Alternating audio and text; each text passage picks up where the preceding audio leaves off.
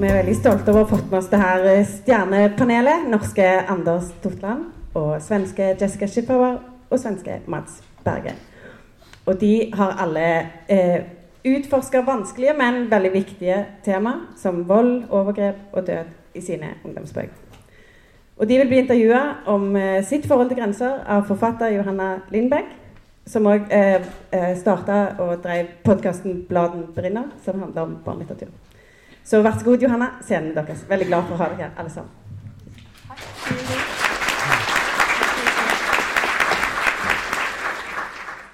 Hej och välkomna.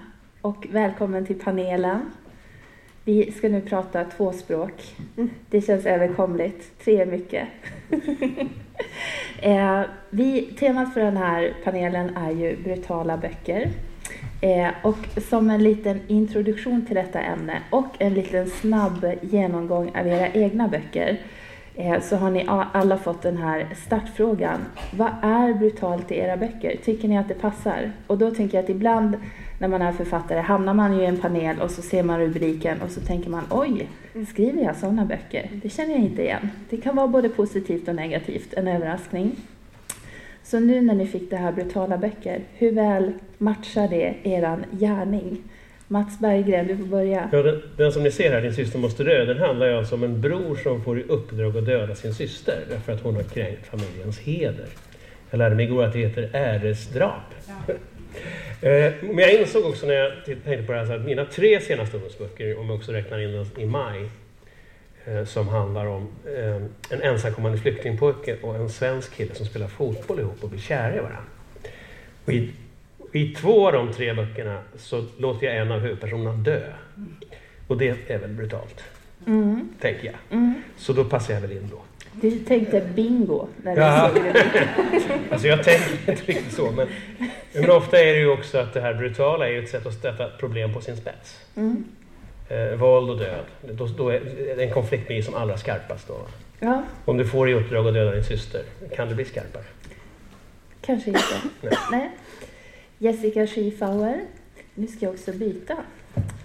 Eh, ska vi se om jag kommer åt rätt håll. Ja, eh, då ser vi här när hundarna kommer. Mm. Och du har ju också skrivit Pojkarna. Mm. Eh, och en tidigare som vi inte behöver prata så mycket om nu för den tangerar inte temat. Men kände du igen dig i det här brutala böcker?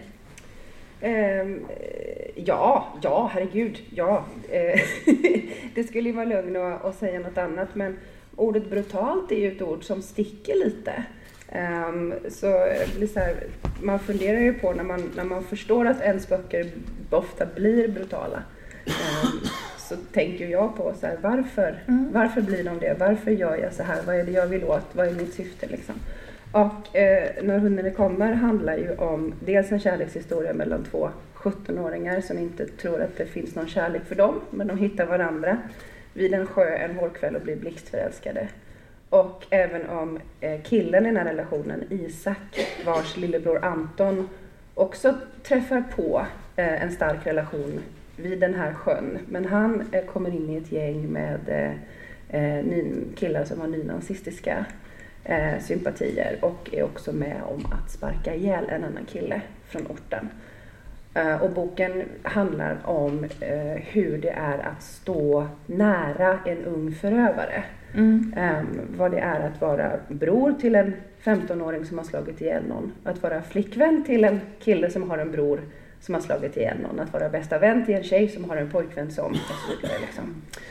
Um, och det, alltså, det direkt man tänker på det brutala det är ju att det begås en fruktansvärd misshandel och eh, våldshandling där någon dör, en ung människa dör. Men det som jag också tycker är brutalt, det är ju de känslorna som de här människorna måste handskas med sen. Liksom.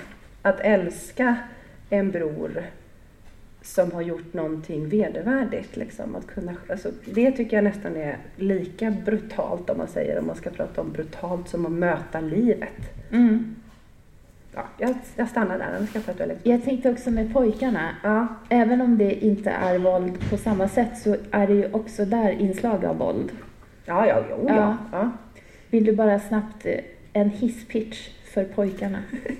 Eh, pojkarna handlar om tre 14-åriga jäntor som eh, hittar en magisk blomma som förvandlar dem till tre stycken gutter istället.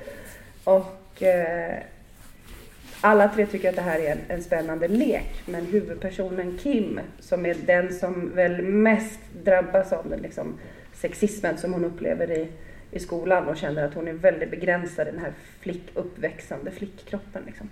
Hon tycker inte att det här är en lek. Hon känner att hon hittar någonting som hon verkligen har saknat. Och träffar också en, en äldre kille som ganska mycket i person påminner om den här äldre nynazistkillen som Anton träffar i, i När hundarna kommer. Som eh, heter Tony, som är fullständigt gränslös. Och Tony utövar våld, Kim utövar våld. Men det är väl samma där, det är också väldigt brutalt hur Kim hamnar utanför och hon, hur hon bryter med sitt, med sitt gamla. Liksom. Mm. Så det, tematiskt så hänger de ihop fast handlar om olika scenarion. Mm. Vi är uppe på 25 våningen. Jag tänkte bli hitkänd. eh, och sen har vi norska Anders Totland. Tortland. Jag är alltid förvirrad. Hur skulle jag säga? Det var väldigt fint. Det var fint. Kör på det. Eh, och din senaste bok heter Nedräkning, nedtailing. Är den brutal? Det vil jeg absolutt si. Mm. Og, og for min del så passer um, å bli spurt om å snakke om brutale bøker. Det er jo kanskje det aller, aller mest opplagte når du har skrevet tre ungdomsromaner der to hovedpersoner kanskje dør, og minst én blir utsatt for overgrep. Kanskje blir en av de som kanskje dør, òg utsatt for et slags overgrep. Det er ikke helt godt å si. Mm. Så jeg tenker liksom når, du har, når det er mest koselige du har skrevet ei sakprosabok om slavehandel og tortur, eh, så er, så er det innafor å bli plassert i panel om brutale bøker. Men jeg tenker jo at jeg skriver om livet. Livet är brutalt och då blir böckerna brutala. Den här nedtailing, vad är det för handling i den? Skulle du ha eh, heispitchen? Tack. Då kan du fram på sånn 12-13 etasjer da, kanskje. Eh, gutt som blir filma på chatroulette mens han onanerer, presser for penger, og så er det nedtellinga til betalingstidspunktet. Og hva som foregår i livet og hodet til denne 14-15 år gamle gutten. Mm. Och sen har du skrivit en som heter Så länge ingen ser oss. Vad är det för historia? Der er det en gutt som vokser opp med ei mor som ikke har skikk på livet. Og så får hun plutselig skikk på livet ved hjelp av en fin fyr som kommer inn og redder dagen. Helt til det viser seg at han ikke er en så fin fyr likevel, og da blir det en eh, overgrepshistorie. Mm. Men jeg mener at jeg skriver altså, Før da så ga jeg også ut en bok som blir omtalt som en bok om kreft, og her er en bok om eh, sex, eh, sextortion og en bok om overgrep. Men jeg tenker at det ikke er det det er. Det er stort sett eh, bøker om relasjoner og voksne som svikter. Mm. Og i akkurat den siste boka, 'Nedtelling', så er det jo faktisk ingen voksne som svikter. For jeg tenkte at jeg kan ikke bare skrive om voksne som svikter. Eh, så der, er det, der har jeg helt bevisst bare skrevet om voksne som er kjempeflinke og fine folk. Eh, for jeg tenkte at eh, det er greit at ungdom ser altså at hvis du trør skikkelig uti og livet går eh, ikke spesielt bra, så er det folk som kan prøve å hjelpe deg. Og så kan de òg se at det ikke er sikkert det hjelper. Mm. Mm. Då är vi överens om att hela panelen är okej med den här rubriken, låter det som. Eh, det här övergripande temat för konferensen är ju gränser. Mm. Eh, och det är man kan ju verkligen tolka det på väldigt många olika sätt som man belyser i de här seminarierna. Eh, men då tycker jag det är intressant med era böcker för att när man läser dem eh, så blir man ju, i alla fall som vuxen läsare om man har läst många böcker och har livserfarenhet, så börjar man läsa och så tänker man åh nej, nu kommer det här säkert att hända. Gud vad jobbigt det här kommer att bli. Hoppas att jag får fel. Hoppas att det blir jättehärligt istället för hemskt. Eh, och ni går åt olika håll som är, ja, som är svåra, som ni nu har beskrivit lite grann.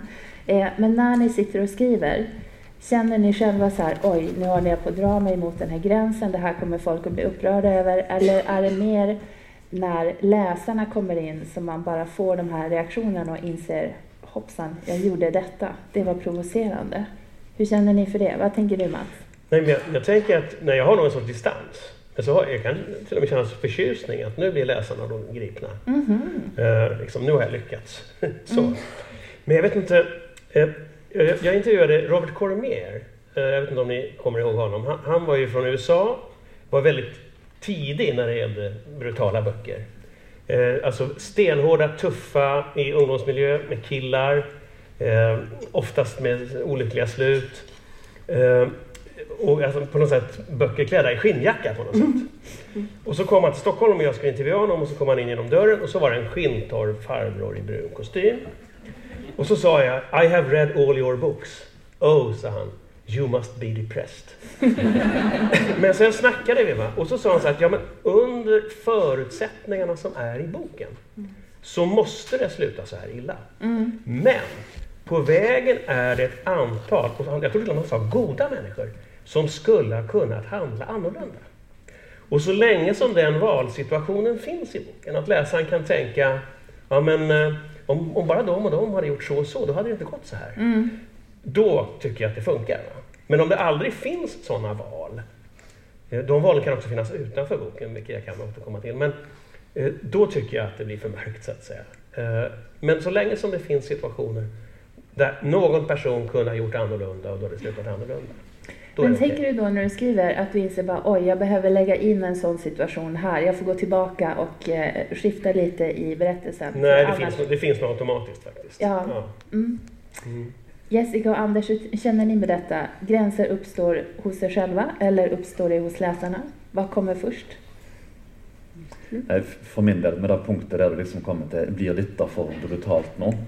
Eh, For meg så handler det mest om at jeg plutselig så oppdager jeg at eh, nå dør jo hovedpersonen, så boka blir ikke lenger. Så jeg må, jeg må liksom på en måte få det til å komme litt seinere. Så, da, så jeg må gjøre det du spør om. Jeg må, jeg må få det til å skje mer før det kommer til det punktet. For enten det er nå en slags åpen slutt, da, men der du kan regne med at hovedpersonen sikkert dør, eh, så er det litt kjedelig hvis det kommer ja, Nå kommer det rett nok på side 70-80 i mine bøker, for der stopper jo bøkene. Men det kan jo ikke komme på side 20, liksom. Nej, Så Då blir det ingen bok. Hæ? Eller blir det ingen blir, mer? da blir det jo ingen bok, nei. en rada hemska noveller. Ja. men, men jeg gjør det. Jeg, for jeg kommer jo plutselig til det punktet, og da er det sånn Ja, men dette kan jo ikke bli ei bok hvis jeg stopper her. Så da må jeg få det til å ha skjedd noe mer tidligere. Ja, Men jeg også tenker det samme som du sier, at eh, det viktigste er ikke at det går bra. Det kan godt gå skikkelig, skikkelig dårlig. Men det er veldig fint hvis leseren, enten det er en ungdom eller en voksen person, eller uansett hvem det er, ser at underveis her kunne noen gjort noe på en annen måte som hadde gjort at historien hadde slutta på en annen måte.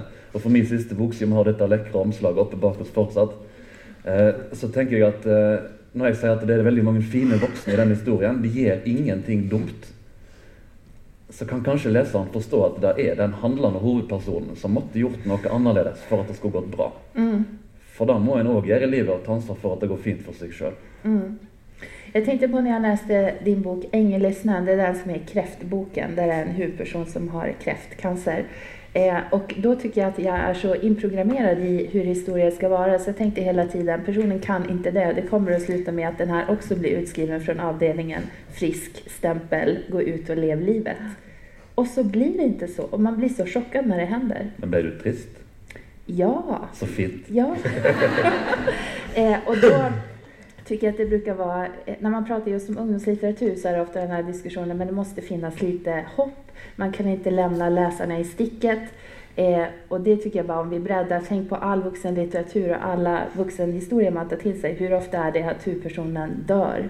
Det är inte jätteofta. Men fikk du ikke litt håp når du las den? Dette er en veldig veldig kort bok som tar ca. 17 minutter å lese fra start til slutt. Ja, Men fikk du ja. ikke ja, Kanskje 20 hvis du leser på norsk og er Ja. Men, men fikk du ikke litt håp allikevel når du las av å tenke at eh, kanskje mennesker kan håndtere så vonde ting på en så fin måte? Ja, den var ju jättefin. Det var ju mycket som jag tyckte var fint. Eh, och, ehm, men ändå upprörande. Fint och upprörande. Men bra, for det prøvde jeg på. Ja, ja, ja. Verkligen. Hur känner du kring detta, Jessica? Alltså jag är, medan, medan jag sitter och skriver så är jag alltid onödigt eh, självkritisk. Ehm, och och är, får verkligen kämpa för att, att ta bort tankarna på eh, vad, vad kommer folk att tycka? Kommer Mm. det här att bli så provocerande? Eller, och det är inte det att, att jag är, är rädd för att provocera men jag vill vara noga med att man in, att inte provocera för sakens skull. Så att alltså hur ska man säga? Jag, jag tänker så här, syftet med allt det brutala i mina böcker, det är ju att lå, låta både mig först och främst, jag behöver umgås med det brutala för att jag lever i en värld som är brutal. Jag behöver fundera på det, titta på det från olika perspektiv, känna på det, klämma på det. Och kan jag göra det så att det blir en bok som någon annan kan få göra samma sak, då blir det, då blir det liksom ett syfte med att skildra det som är brutalt. Mm. Och skriver man då för unga, eh, vilket jag gör och inte gör, för jag tänker mig aldrig specifikt en ung läsare, utan min utgångspunkt är att jag den uppväxande människan är så intressant. De, de erfarenheter vi gör medan vi växer upp formar oss så väldigt. Så jag tycker väldigt mycket om att skriva om unga huvudpersoner. Men jag har ju så att säga lärt mig nu att när, när jag har ett ungt perspektiv så blir det ju också ofta en bok som kommer komma ut för unga. Och då behöver jag ha span på att jag behöver problematisera detta ur en, en ung människas perspektiv. Men det är liksom problematiseringen som är, som är syftet Mm. på något vis. Och så länge jag känner att jag gör det, kan jag, kan jag läsa boken själv och tycka att ja, men jag, det här gör jag, då är jag trygg. Mm. Nej, det är jag inte, men jag försöker vara trygg. Nej, nu gjorde jag någonting. Nu gjorde du någonting. Teknikern kommer springande. Men det, men det er jo noe med motivasjonen for å gjøre det vondt og vanskelig. Jeg har jo heller ikke, jeg har jo heller ikke ting som skjer i bøkene som er direkte ubehagelig for den som leser pga. at det bare er moro. Det er moro å skrive det. Men for at det skal på en måte rettferdiggjøre plassen i boka og fortellingen, så må det være en del av det som driver den historien til det det skal bli. Mm. Og det må være en grunn til at det skjer. Jeg kan, jeg kan putte inn festlige sexscener fordi det er gøy og det er kjekt for ungdommene å lese. Men det kan ikke bli en overgrepsscene fordi det er gøy å skrive. Det er forresten heller ikke gøy å skrive. Nej. Men, og, og det er litt sånn begrensninger i hvor, hvor grafisk en blir, og hvor dypt en går inn i de mest spekulative delene av det. da, Det som potensielt kan bli det. Der er det noen begrensninger i hva, hva kan forsvares i forhold til den fortellingen jeg vil fortelle. Mm. For jeg skriver jo ikke brutalt for da jeg har lyst til å sitte i panel og snakke om brutale bøker. Bara för att gotta sig i det brutala. Ja, Litt derfor, men ikke bare derfor. Nej. Eh, men de här eh, historierna, när ni liksom börjar skriva en ny bok, ni återvänder ju till dessa teman. Ni har inte bara skrivit en bok om sådana här brutala teman, utan ni har ju skrivit flera böcker. Eh, är det en förvåning för er att ni bara, oj, 50 sidor in inser, hoppsan, nu håller det på att bli så här igen? Eller har ni liksom bara, det här är mitt, mitt öde är att jag skriver om de här ämnena? Jag tänkte på den här tredje boken av mina tre senaste där huvudpersonen inte dör. Då tänkte jag just att jag kan ju inte låta huvudpersonen dö i varje bok. Och det är också så att de, de hänger ihop de här böckerna. Så det är en, en person som är central i bägge. Och att alla ska dö runt om honom, det, blir för mycket. Ja, Så- så- även för dig. även för mig. Ja. Men jag tänkte på en grej och det var alltså Peter Paul eh, som ju har skrivit några av faktiskt den svenska ungdomslitteraturens allra främsta böcker. Eh, en av dem heter Vi kallar honom Anna. Och det handlar ju om, det är en mobbinghistoria, jag vet inte vad, bullying, vad det nu kan heta på norska. Eh, och där är det så alltså att eh, Anna, alltså eh, Anders heter han egentligen, han är mobbad, eh, han söker sig till jag-berättaren som sviker honom och det slutar med att han tar livet av sig. Eh, och eh, jag har tänkt ofta på den boken att, att eh, alltså en, en mobbningssituation det är ju ofta att en person blir mobbad, några mobbar och resten tittar på. Mm. Och då har jag tänkt att om man har läst den boken och är en av dem som tittar på så i verkliga livet kanske man inte gör det när man har läst det här. Och då blir ju hoppet i boken förlagt utanför boken. Mm. Men läsaren blir påverkad i sin verklighet. Och jag tänker då att, vi är ju alla inne på det, vi undersöker olika problem och belyser dem och sådär. Eh, Och sätter dem i spel så att säga. Och vårt mål med det är ju att läsarna ska fundera vidare på de här problemen. Vi kan inte tala om för läsaren vad som är rätt eller vad man ska tycka. Eller, då blir det pekpinnar istället för romaner. Men vi sätter de här frågorna i spel. Och så får vi läsarna att fundera vidare över dem. Och då blir hoppet förlagt i verkligheten. Mm. Man kan ju också göra, jag tror att väldigt många tänker, jag, jag, gör, jag skapar konst på det här sättet för att jag vill väcka de här reaktionerna. Och då kan man ju välja hela spektrat. Ni har ju ändå valt ett jobbigt, en jobbig ände av spektrat. Eh, och våld, rasism, utanförskap, död, sjukdom. Det hade ju kunnat vara andra provocerande ämnen men det blir just det här brutala våldet. Hur kommer det sig? Nu börjar jag fundera på om jag är frisk när du säger det. Nej, det är inte det jag insinuerar. Nej, nej, nej. Nej men, nej, men eh, för mig finns det en linje eh, rent så personligen vad jag, vad jag liksom hanterar som på ett eller annat vis handlar om mig själv. Från eh, pojkarna vidare till när hundarna kommer. Ehm, och jag har nära till att, att eh, bli våldsam höll jag på att säga. Alltså jag har alltid haft impulsen att, att när jag blir arg, när jag blir ledsen så är det någonting fysiskt som vill ut. Mm. Ehm, och jag är uppfostrad som flicka på 90-talet. Eh, jag fick inte slåss. Och jag tycker inte att man ska slåss. Naturligtvis inte. Det är inte, det är inte så vi ska lösa våra konflikter. Men det har varit intressant för mig att se att det finns, det finns liksom ehm, andra människor i världen där att, att, att, att slåss, att få ut sina aggressioner, det är någonting som accepteras på ett annat sätt än den delen av världen där jag befinner mig. För att jag Pratar befinner du mig... manligt kvinnligt eller Ja, jag vilka pratar, jag pratar Ja. Mm. specifikt manligt kvinnligt. Ja. Och det är det som jag minns från min uppväxt. Jag tänker inte prata så mycket om hur det är att växa upp idag för att jag är 40 nu. Liksom så. Ehm, men, men så att, att, att våldet, att, att, att känna, känna impulser. Jag tänker så här, alltså att känna impulsen att man vill begå våld. Den måste vi acceptera att människan har. Man kan inte skambelägga impulsen. Däremot så måste man, så måste man diskutera handlingen. Liksom. Ehm, och och eh, hitta andra sätt och presentera andra sätt. Liksom, för att, så därför håller jag nog på med våld, om man säger så, Mm. eh, litterärt sett. Men jag känner också att jag är rätt färdig med det för tillfället. Alltså jag känner lite så här, eh, jag har ju inte syfte att sätta mig alltid ner och skriva liksom, böcker som innehåller våld. Jag vet inte om det kommer att komma in i, i var och en av dem. Men jag känner lite där, precis som du säger, det finns ju så mycket annat man kan, man kan ta som liksom, den svåra kärnan eller den problematiserade kärnan i en bok. Så jag sysslar väl med brutaliteten så länge jag behöver det. Mm. Sen sysslar jag förhoppningsvis med någonting annat. Mm.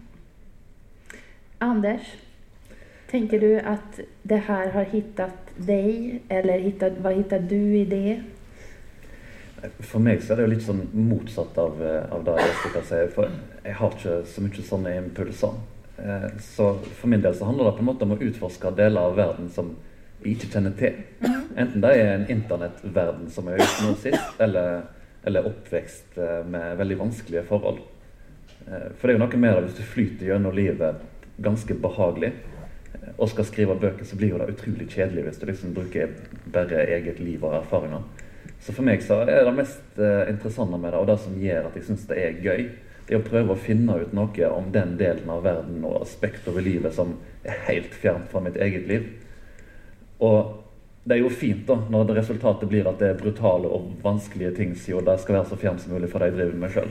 Det kan jo være et tegn på at jeg har det greit. Mm. Men det er, det er litt sånn at jeg begynner å skrive, jeg vet ikke hva det skal bli. Som regel så har jeg lyst til å lage god stemning. Helst vil jeg at det skal være morsomt. Men, Oj, vad du Og så, så får jeg det ikke til. Så blir det noe annet. Försök mer. Ja. Men hver eneste gang så har jeg prøvd på det. Jeg prøvde å lage god stemning. Men jag skrev en bok som heter Onsdag kväll strax före sju, som är en av mina tre senaste där. Och det, som handlar om hur muslimska ungdomar i en förort blir klämda mellan rasister och islamister. Eh, Och där är det en, en av huvudpersonerna som dör. Och, jag, och det är på första sidan, liksom. en pojke är död. Eh, och jag hade ju bestämt det och jag skrev första sidan först. Och så ju mer jag skrev den här boken, eh, desto mer synd tyckte jag att han var att han skulle dö. Han är rolig, han är kär, han, håller på, eh, han är kriminell va, men han håller på och bryter upp från sin kompis som driver kriminaliteten. Och så, här. så jag tyckte det var jättesynd att han skulle behöva dö. Men jag kunde inte göra på något annat sätt, för hela boken byggde ju på det. Mm.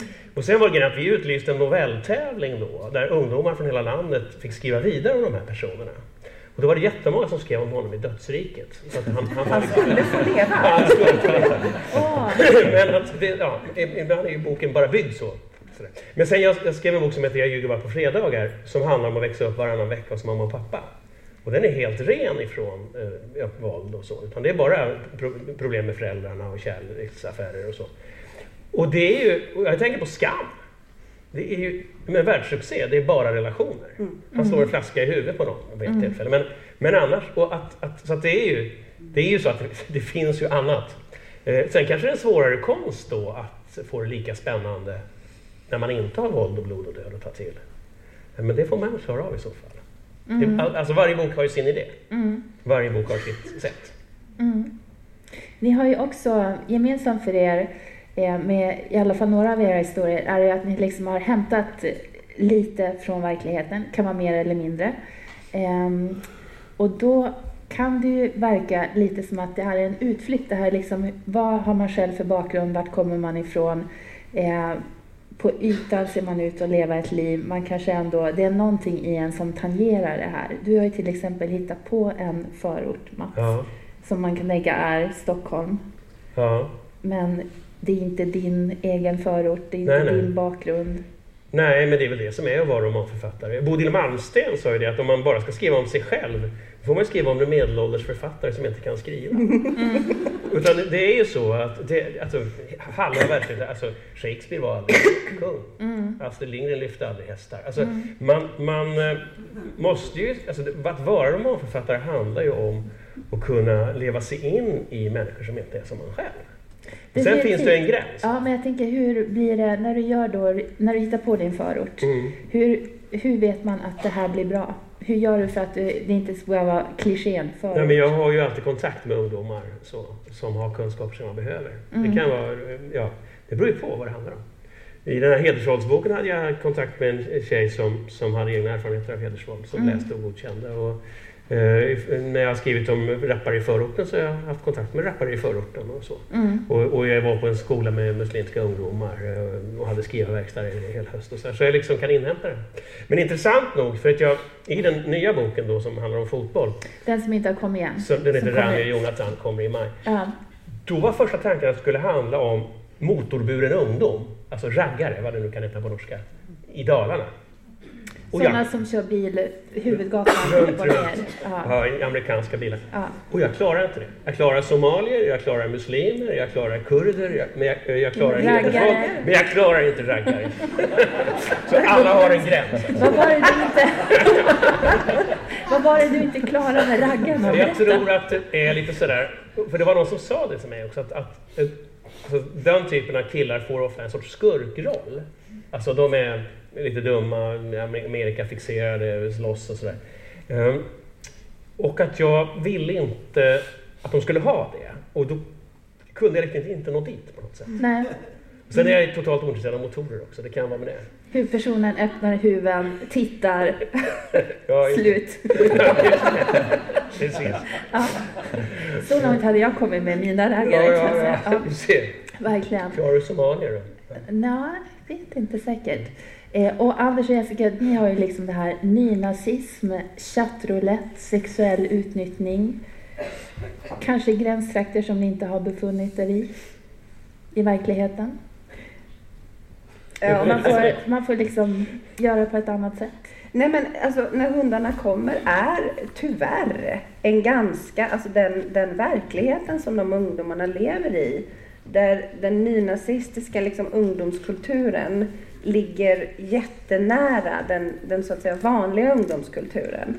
Och gränsen är väldigt, väldigt luddig. Um, och det är ju det jag minns från min egen uppväxt på 90-talet. Och också vad jag såg när boken kom 2015, alltså från 2010 och framåt, mm. att samma sak hände i Sverige igen. Liksom. Att de här de här krafterna, de här symbolerna, de här stilarna, de här, det blir normaliserat igen på precis samma sätt som det var på 90-talet. Mm. Så den, mer skulle jag säga idag. Och med, med större mer. kraft, exakt. Mm. Och då, alltså att det liksom går i cykler på något vis då.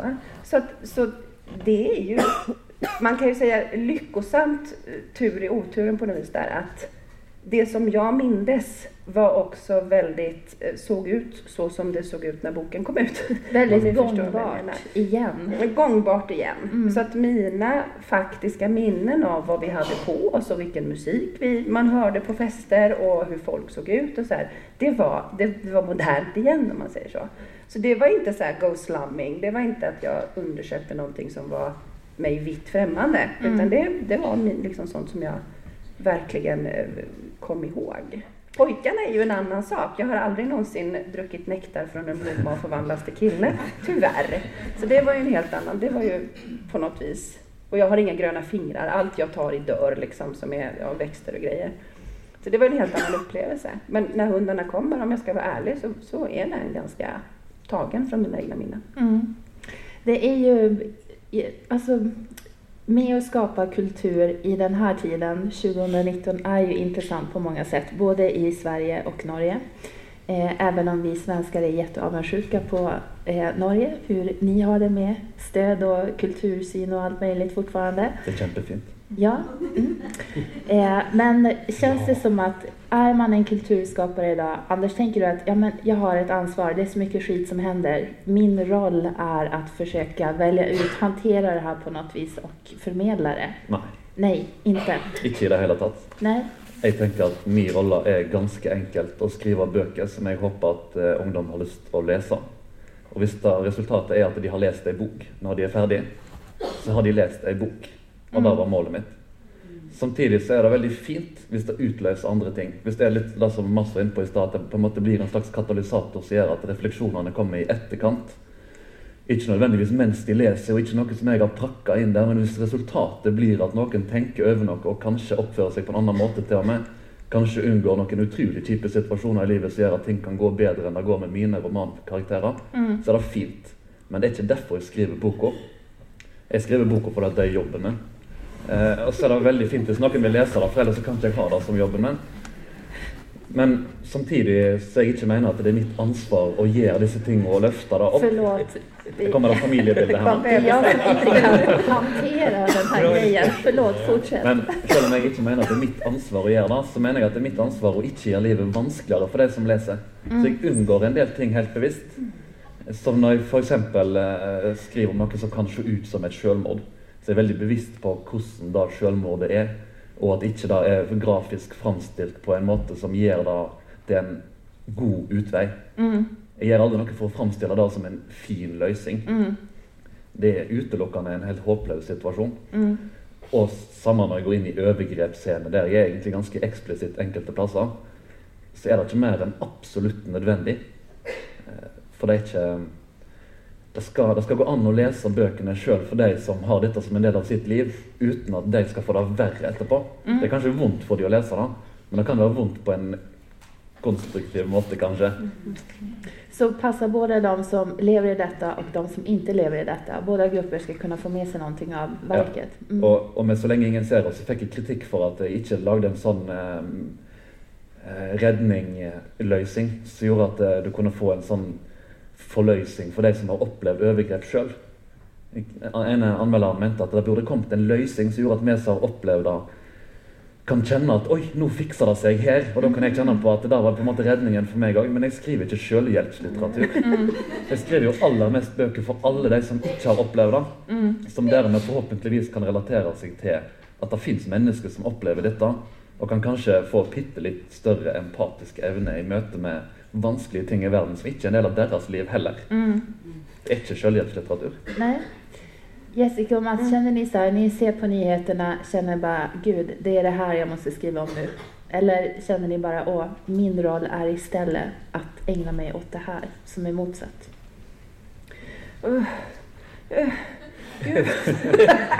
Alltså jag, tycker, jag har inget annat ansvar än att skriva en så bra bok som möjligt. Ja. Det är det enda ansvar man har som författare. Men sen är ju, och det är ju drivkraften för mig, ett intresse för samhället och samtiden. Eh, och det gör ju att jag ger mig ut på skolor och bland hiphoppare och annat och stöter på historier som jag tycker är värda att berätta. Och då är det klart att det, i det här finns ju ett samhällsengagemang i botten. Alltså det är ju det som driver mig. Men, det, men när det gäller själva boken så har jag bara ansvaret att skriva en så bra bok som möjligt. Mm. Eh, tycker jag.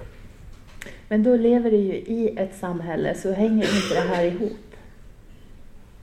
Ja, men det skulle kunna vara så att jag fick en helt annan idé. Men att, ja, fast eftersom det är samhällsengagemang som är botten så, så får jag inte sådana idéer. Nej, Nej. Det är sant. Vad har du för ansvar, Jessica? Jag känner inget ansvar höll jag på att säga, fast det är, det är inte sant. Det är klart att man känner ett ansvar, men jag känner snarare att jag behöver jag behöver eh, jobba med att inte tänka så mycket på ansvar. Mm. Ehm, för att böckerna ska bli det de ska bli på något vis. Eh, jag har jättelätt för att tänka att jag kan bli rädd för vissa scener som jag känner, men den här scenen behövs. Ehm, och den måste bli kanske brutal eller den måste eh, bli svår eller den måste innehålla saker som jag skulle få svårt att läsa upp högt. Liksom. Ehm, så jag jobbar mera med att försöka eh, vara ensam i skrivkammaren och inte tänka så mycket på, på läsarna. Men när jag skrev När hundarna kommer så var det, för mig var det, incitamentet var det här måste vi prata om. Vi måste prata om andra sidan när det gäller eh, unga som begår våld mot unga. Vi måste prata om eh, vad en ung förövare är. Så, eh, för att fokus läggs naturligtvis på offret och på offrets familj. Men det trauma och den sorg och det, den komplexitet som vi möter runt en förövare, det pratar vi väldigt lite om. Och där kan jag känna att kan jag bidra då liksom med med ett verk som gör att vi kan prata om detta. Men det var inte det som har hänt med den boken. Nu ska jag snart sluta, men det här vill jag verkligen få sagt. Eh, det som har hänt med den boken i Sverige, det är att den har blivit en... Den läses på skolor och den läses framför allt så älskas den av folk som inte gillar att läsa. Eh, har blivit för väldigt många den första läsupplevelsen som gör att de går till sin lärare och säger finns det, finns det mer böcker? Liksom. Eh, och den diskuteras och alltså, det, det hände någonting med den som jag inte la in. Jag la inte in att det här ska bli en bok som ska vara lättillgänglig för de som inte gillar att läsa. Liksom. Den, är, den är inte tillrättalagd annat än att jag ville prata om ett ämne på ett visst sätt. Liksom. Mm. Och den effekten tycker jag är så jäkla cool. Mm. Och jag tänker att hade jag satt mig ner och tänkt på mitt ansvar. Nu ska jag skriva så här om de här sakerna för att möta de här människorna. Tror inte jag att det hade blivit så. Eller om du det hade hade tänkt, blivit ett raster jag över har de här liksom gränserna nu, jag ska inte gå utanför dem. Nej, precis. Ja. Anders, du får säga en snabb. Jeg kan få bare ombestemme meg bitte litt? Ja. For jeg tenker at Vi som individ, som forfattere, vi har ikke ansvar for hvordan samfunnet utvikler seg. Men som kollektiv og som kulturfelt så kan vi godt ta ansvar for det. Mm. Men som kulturen som helhet så kan jeg godt være, være en del av de som må løfte opp ting og få til debatt. Men ikke når jeg sitter der og skriver for meg sjøl. Mm. Kort nok. Mm. Tack! Med detta var det avslutningen. Det var Nu- värst vad fort. Jag vet, så här blir det alltid. Vi går på ett skick. Tack Anders, Jessica och Mats. Tack publiken. Tack.